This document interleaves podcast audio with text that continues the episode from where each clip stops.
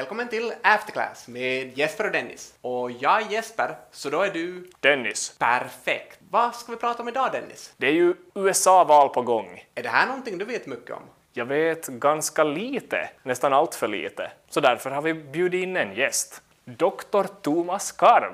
Välkommen till Afterclass. Vem är du? Eh, Först och främst, stort tack för inbjudan. Det känns som en stor ära att få komma hit till Hanken och prata med er. Jag är då Thomas Karv, jag är lärare och forskare i statskunskap vid Åbo Akademi i Vasa. Disputerade hösten 2019 med en doktorsavhandling kring EU-attityder och för tillfället så forskar jag mycket kring folkomröstningar. Perfekt. Men om vi går till det här presidentvalet. Jag menar, vem är uppställda? Vad har det amerikanska folket för partier och när inträffar det här valet? Ja, valet inträffar då alltså den 3 november, alltid den första tisdagen i november, en historiskt fastslagen dag. Alltså, eftersom att på söndagar går man ju i kyrkan, på måndagarna har man så mycket att arbeta med eftersom att man varit i kyrkan på söndagen och inte kunnat jobba då, så därför har det blivit tisdag som man alltid går och röstar. Eh, I USA så har de ju då ett tvåpartisystem. Det finns två stora partier, Republikanerna, mer, vad ska man säga, högerkonservativt parti och Demokraterna som är då mer mitten-vänsterparti kan man säga. Och förutom dessa två stora partier finns det också två små mindre partier som lätt glöms bort. Det är alltså det libertarianska partiet och det gröna partiet som också då ställer upp presidentvalskandidater i detta val, men som inte lär ha någonting att göra med själva slutsegern. Så nu, det här är presidentvalet. Är det några andra val som inträffar samtidigt som presidentvalet eller är det bara president? Det är många val samtidigt. Samtidigt så väljer man också sina senatorer, eller en tredjedel av sina senatorer.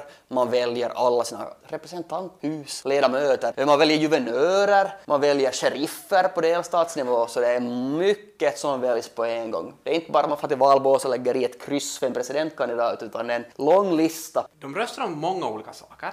Och det, är ju det har vi förstått åtminstone rätt så invecklat till exempel hur man räknar ihop rösterna för det här presidentvalet. Men någonting som också är väldigt invecklat är att förstå vad de här kandidaterna egentligen står för. Kan du hjälpa oss reda ut det här? Mer än gärna. Så om vi börjar med energi, vad säger de här två huvudkandidaterna? Och har vi sagt vem de här två huvudkandidaterna är ännu? Huvudkandidaterna är alltså då sittande presidenten Donald Trump, en republikan. Motkandidaten är då Joe Biden, vicepresident under Barack Obama i åtta år. Biden har ju då varit en förespråkare för mer grön energi, alltså vindkraft, solkraft, medan då Trump har varit en stark förespråkare för kolindustrin, frackingindustrin, oljebranschen och så vidare. Det har varit mycket snack i USA med en så kallad Green New Deal som då anspeglar på det här 30-talet och Roosevelts New Deal, stora statliga investeringar och, och så vidare och så vidare. Och det här ska då vara med en grön version av det här. Men Biden har ju inte kommit ut och stött den här New Green Deal utan han har väl, för att det är för lite mer vänster, vänstersymboliskt, vänsterprägel på hela det här Green New Deal och han är väldigt försiktig med att gå allt för långt till vänster eftersom att han då är rädd att skrämma bort mittenväljare. Så han har liksom inte gått helt ut att han vill övergå helt till grön energi utan han, han pratar mer om att över tid så ska vi avveckla oljeindustrin och övergå till förnyelsebara energikällor. Medan då Trump är är väldigt tydlig med att USA ska vara självförsörjande när det kommer till energi och vi, vi ska öppna nya gruvor och vi ska fortsätta som vi alltid har gjort. Man hörde ju där i den här senaste debatten också, visst var det att Biden sa någonting lite negativt om oil and gas och Trump var ganska snabb med att replikera Can you hear me now, Texas? Mm. Under den här primärvalskampanjen så påstår ju då Trump att Biden har sagt att han kommer att förbjuda fracking ifall han blir vald. Men sen när han då blev nominerad till Demokraternas presidentkandidat så har han då lite backat från dessa påståenden och nu pratar inte han alls i samma, samma ordalag kring hela frackingindustrin. Just för att det kan då skrämma bort mittenväljare, det kan då skrämma bort viktiga väljare i sådana delstater där frackingindustrin är stark. Så det är ganska rationellt politiskt att kanske tona ner just sådana utspel. Men vad du också säger att det är rationellt politiskt, så det här betyder att i verkligheten så står de ännu längre ifrån varandra än vad de vill få det att verka som. Det tror jag nog faktiskt, för Biden står nog mer kanske till vänster än vad han, vad nu försöker framställa sig själv eftersom att han nu försöker nå ut till mittenväljare och inte den här demokratiska basen. De har redan vunnit, de kommer rösta på honom no matter what, men det här mittenväljarna är de som avgör valet.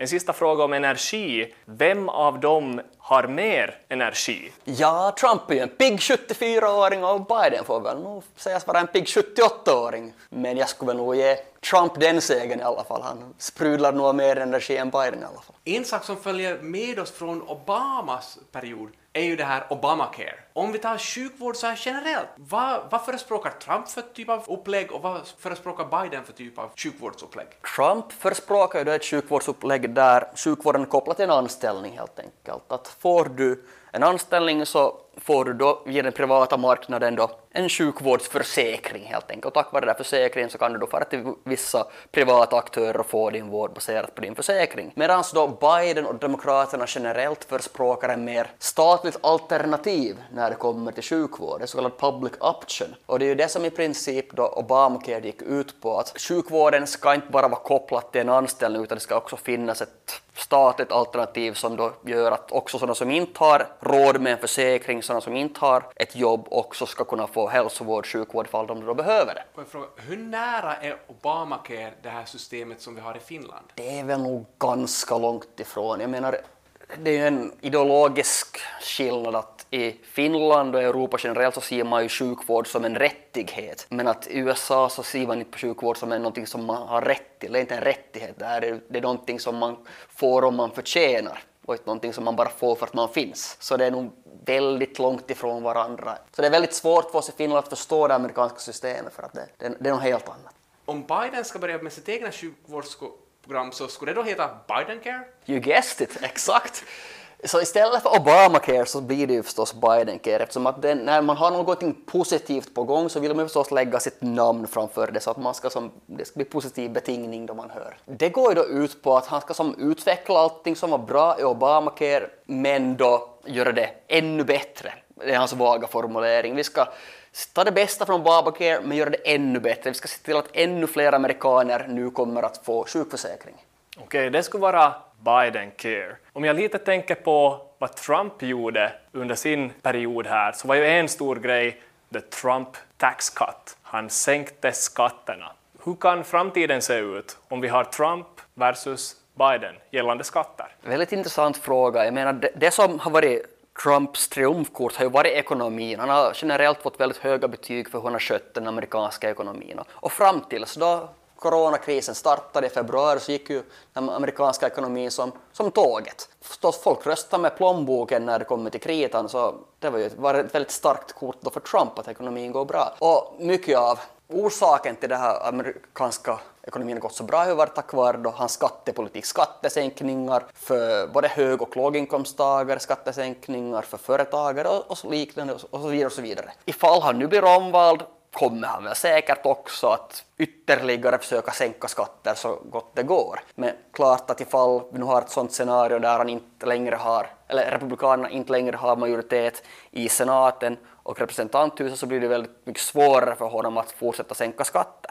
Dock, ifall vi då får president Biden så kommer vi då en motsatt utveckling och han har ju varit ganska öppen med att han kommer höja skatterna för alla som förtjänar mer än 300 000 dollar i året Eh, han kommer höja företagsbeskattningen på nytt. Så att det är klart att det kommer ha en inverkan. Okej, ganska tydlig skillnad mm. där alltså. Roligt med det där Trump tax cut. Jag tänkte mig en gång att jag skulle bli en sån här serietecknare, så jag ritade en bild på en tax, en hund, och Trump som klippte av den här hunden på mitten.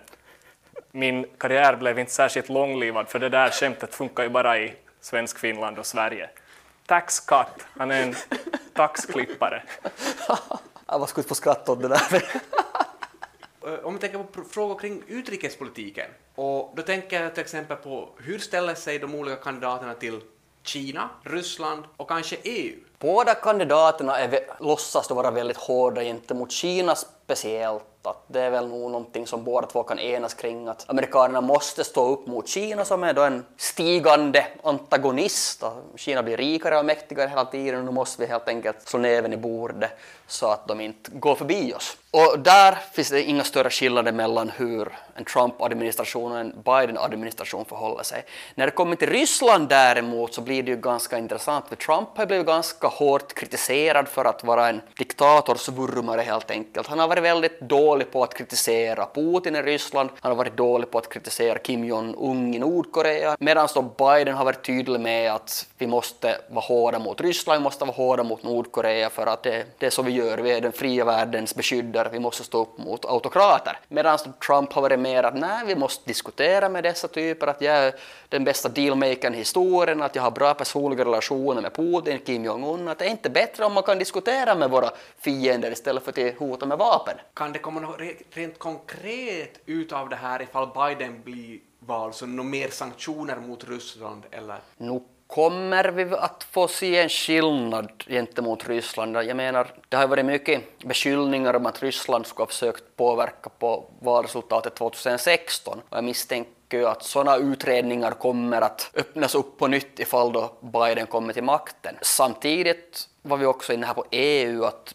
Trump var ju väldigt glad till exempel när Brexit hände. Han tycker ju generellt det är bättre att USA får ha en starkare position i sina handelsförhållanden med enskilda länder. Så ifall det är mycket enklare för USA att få en bra deal med Storbritannien som ett enskilt land än att när man ska blanda in hela EU, alla 28 medlemsländer. För att då är de en jämnstark aktör och då blir det mer rättvist istället för att man kommer från en styrkeposition. Det är ju ganska naturligt då att han tyckte att Brexit var en bra sak. Medan då Biden pratat sig varm kring EU och det här atlantiska samarbetet och talat sig varmt gentemot NATO och liknande. Alltså multilaterala organisationer generellt för att han tycker att det gynnar USA när det är stabilt i västvärlden. Okej, ganska svart och vitt, eller ska vi säga blått och rött i det här fallet. Hur som helst, är det så här nu då, du sa om Biden blir president, då höjs bolagsskatten. Blir det så? Inte nödvändigtvis, för det har ju också otroligt stor betydelse hur det går i kongressvalen. Samtidigt som presidentval så kommer man ju också att välja,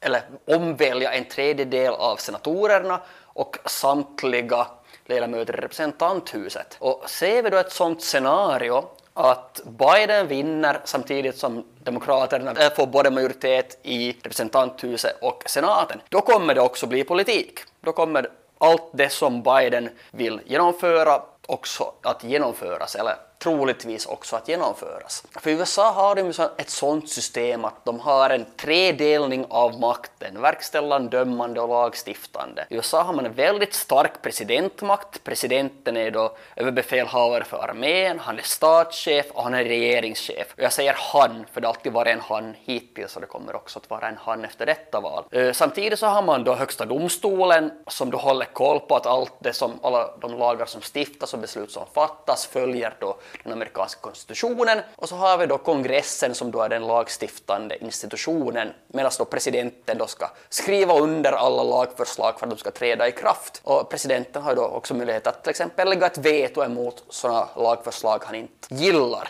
Och det här är som ett sådant system som är uppbyggt för att en institution inte ska få för mycket makt. Det ska finnas checks and balances, just för att man ska motverka trender mot en diktatur. Och det här var ju någonting som det här amerikanska grundfäderna på 1770-talet konstaterade att man måste, makten måste kontrollera makten. Man ska inte lägga all makt i en och samma korg utan den ska alltid spridas ut för att det är då bäst för kollektivet. Så om vi tänker på situationen så här överlag så, så vi har tre organ som vi röstar om just nu. Vi har representanthuset, senaten och presidentvalet. Och i princip är det väl så att alla de här tre kan endera bli demokratiska eller republikanska. Och förstås, om alla tre blir republikanska så blir det ju starkt republikanskt och vice versa då för demokratiskt. Men i vilken situation, vad är som det här näst bästa? Om man inte får välja alla tre utan bara får välja två, vilka två är bäst att ha? En väldigt bra fråga som jag nog tyvärr inte har ett bra svar på, men det absolut viktigaste är nog ändå presidentämbetet. Ifall man får välja ett av dessa tre så då är det presidentämbetet man väljer. För att presidenten har ändå makten att lägga veto för sådana lagförslag som den inte tycker om. Så oberoende ifall demokraterna skulle få majoritet i både representanthuset och senaten skulle de ändå inte få igenom mycket politik eftersom att den republikanska presidenten då skulle lägga veto mot de flesta lagförslag som kommer. Och det skulle bli ganska paralyserat politiskt tillstånd generellt. Klart man kan också overrule ett presidentveto men att det krävs en otroligt stor majoritet för att man ska kunna hoppa över presidentvetot så att säga. Men då finns ju också frågan vilken av dessa två kongresskammare vill man då dominera ifall man får välja så skulle jag kanske säga att senaten är det kanske viktigare kammaren. Till exempel är det senaten som då röstar om att utse domer till högsta domstolen till exempel. Väldigt bra, så det känns ändå som att man skulle inte vara helt fel ute om man skulle säga att presidenten och senaten är viktigast. Nej, det är nog, så, så ser jag det i alla fall. Så att om vi får en färgstege för Republikanerna med Trump på hand som president, då kanske skatterna till och med sänks. Möjligtvis, men när det kommer till skattepolitik generellt så vet jag inte hur stort inflytande representanthuset faktiskt har att lägga käppar i hjulet för en sån politik. Men det låter från den här diskussionen som det kan hända att det kan bero på vilken sakfråga man pratar om, vilket av det här undre överhuset som är bättre att få. Ja, så är det. Till exempel om man röstar om att USA ska gå i krig så det är väl representanthuset som har den avgörande rösten i sådana frågor. Så summa summarum, hur går det 3 Ja. november? Den, den stora, stora frågan. Får vi veta det den 3 november? Eller får vi veta det redan nu? Ja, ni, får, ni får inte veta redan nu, det kan jag nog garantera. Och jag tror inte heller vi kommer få veta det heller den 3 november. Eh, högst troligt så kommer det här nog bli en långkörare som kommer att fortsätta långt efter valdagen. Rösterna måste vara räknade den 8 december, så det är alltså 35 dagar har de på sig att räkna rösterna. Så mycket kan hända fram till dess. Eh, det är klart att ifall, ifall att allting ser ganska tydligt och klart vartåt det går så kan ju då den förlorande kandidaten gå ut och erkänna sig besegrad och så då är saker, saker och ting klara. Men ifall det blir extremt jämnt så lär vi nog inte veta före mitten av december hur det faktiskt går. Jag kan ta som exempel 2000 när allting hängde på hur det gick i Florida. Tog det tills 14 december tills Al Gore erkände sig besegrad. Eftersom att omräkningen av rösterna avbröts till sist så erkänner sig då, sig då besegrad för att gå vidare med livet så att säga. Jag, jag har lite på känn att vi kan få se lite liknande scenarier utspela sig också i år. Det kommer att vara så jämnt i vissa delstater så det kommer, räkningen kommer att fortgå, det kommer bli väldigt, väldigt spännande. Så det här, du pratade om att Florida var väldigt viktigt år 2000. Vilka är de här nyckelstaterna i år? Florida är nog absolut en nyckelstat. Det finns inte många scenarier där Trump blir omvald och han inte vinner Florida. Ser man på valdagen att Florida går åt Biden så då kan man nog i princip säga att Biden blir ny president. Men ifall då Trump vinner Florida samtidigt som han vinner någon av de där swing states, till exempel Pennsylvania, så då blir det nog extremt, extremt jämnt och kanske till och med kan luta mer åt Trump ifall han vinner två sådana stora, viktiga delstater. Och ifall man då vill tro på opinionsmätningarna i nuläget så tyder väl det mesta på att Biden ser ut att vinna det totala röstantalet och också baserat på elektorsröster. Om man går tillbaka fyra år tillbaka i tiden så trodde ju alla med en vecka kvar till valet att Clinton kommer ta det här ganska enkelt. Många trodde ännu på valdagsnatten att Clinton kommer ta det här ganska enkelt, bland annat undertecknad. Men Chief Wickman, Trump, kom starkt på slutet och segrade och så kan det mycket väl gå denna gång också. Alltså det känns som vi har lärt oss väldigt mycket här idag, eller vad tycker du Dennis? Absolut. Vi får tacka för alla dessa insikter och välkommen åter. Stort tack för att jag fick vara med, jag kommer gärna åter. Okej, vi vinkar adjö till Thomas och så frågar jag dig Jesper. Kan vi koppla det här med USA-valet till Finland och finländska bolag? Ja, om vi tänker lite på makroekonomi så exporterar ju Finland varuprodukter för 65 miljarder. Och USA är faktiskt det land dit vi exporterar tredje mest. Och dit exporterar vi varor och produkter för 4,8 miljarder. Ungefär 7,4 procent av vår totala export. Vart exporterar vi mest? Ja, det borde väl vara till Tyskland. Men kom ihåg, det handlar ju inte bara om att exportera, vi importerar ju också från de här länderna. Och vi importerar sjätte mest från USA, ungefär 2,3 miljarder. Så USA är på alla sätt och vis, jag menar det är ju en stormakt ekonomiskt sett och det är en viktig handelspartner för Finland. Så det som Thomas har pratat om borde påverka oss här i Finland. Trump säger ju själv lite så här att rösta på mig så blir det en Trump super recovery. Röstar ni på honom, alltså Biden, så blir det en Biden super depression. Så det verkar som om Trump kommer att vara bra, på den, bra för den finländska exporten överlag om han hoppas på den här super recoveryn. Men Har vi någonting att säga om finländska bolag specifikt? Kanske om vi tänker lite börslistade bolag? Vi har ju pratat om Neste i podcasten. Ja, hur skulle det här se ut för Neste? Jag läser att 33 procent av försäljningsvolymen i Neste går till just Nordamerika. Okej, och då vilken typ av produkt gör Neste? Så det är ju någon typ av bränsleprodukt eller drivmedel, men vad är det för drivmedel? Det är lite grönare typen av oljeprodukter. På basen av vad Thomas sa, är det Biden som borde vara bra för Neste då? Lite mer Biden. Så om Biden vinner, det blir onsdag morgon här i Finland visst, så då skulle vi kunna förvänta oss en liten positiv reaktion i Nestes börskurs. De är ändå en stor, stor spelare och en stor exportör. När du pratar om stora exportörer till just USA, så ett av våra riktigt stora bolag, Kone, exporterar ju, eller inte exporterar, men 21 procent av deras omsättning på 9,9 miljarder går ju just till Nordamerika, så det är ju både då USA och Kanada. Vi har ju båda varit i USA en del. Har vi sett många Kone-hissar i USA? Alltså jag har de facto varit i Trump Tower och går man in dit och ska ta sig upp, då står det på väggen, inte Kone, det står Otis. Är det här alltså i princip Kones amerikanska konkurrent? Jo, så det finns en stor amerikansk konkurrent. Bad news. Samtidigt så kunde ju högre skatter via Biden vara så att säga dåliga otiset för Otis. Ja, men sist så är väldigt oklart om vi kan dra några slutsatser eller förutspåra angående Skånes marknadsreaktion beroende på vem som blir president. Men det är ju på så vis att finländska börsbolag inte bara har försäljning till USA. Vissa finländska börsbolag har också fabriker i USA. Har du exempel? Ja, till exempel Nokian Tires öppnade en fabrik i USA i början på detta år. Så Nokian Tires, man komma ihåg här att 71 procent av Nokian Tires omsättning kommer faktiskt från vinterdäck. Och där har vi en liten koppling här till den här klimatdiskussionen också. En viss koppling. En viss koppling kan man säga, man får fundera ut den här kopplingen själv. Vi kan säga så. Ska vi prata om ett annat Nokia-bolag? Ja, kanske vi byter till ett annat Nokia-bolag. Det Va? finns ju det här traditionella Nokia också, som var den här mobiltelefonstillverkaren som blev den här nätverksleverantören. Så där kan man väl kanske börja fundera. Jag läser i deras Q3-rapport att det var inte så mycket goda nyheter. Det står där att man ska göra om bolaget, byta ut lite strategier och lite folk. Det var en dålig reaktion på Q3-rapporten, minus 16 procent. Men läser man lite mer om Nokia, kopplingen till USA, så man har också försäljning cirka 30 procent till Nordamerika. Och Nokia bygger de här 5G-näten Är en av Nokias konkurrenter Huawei?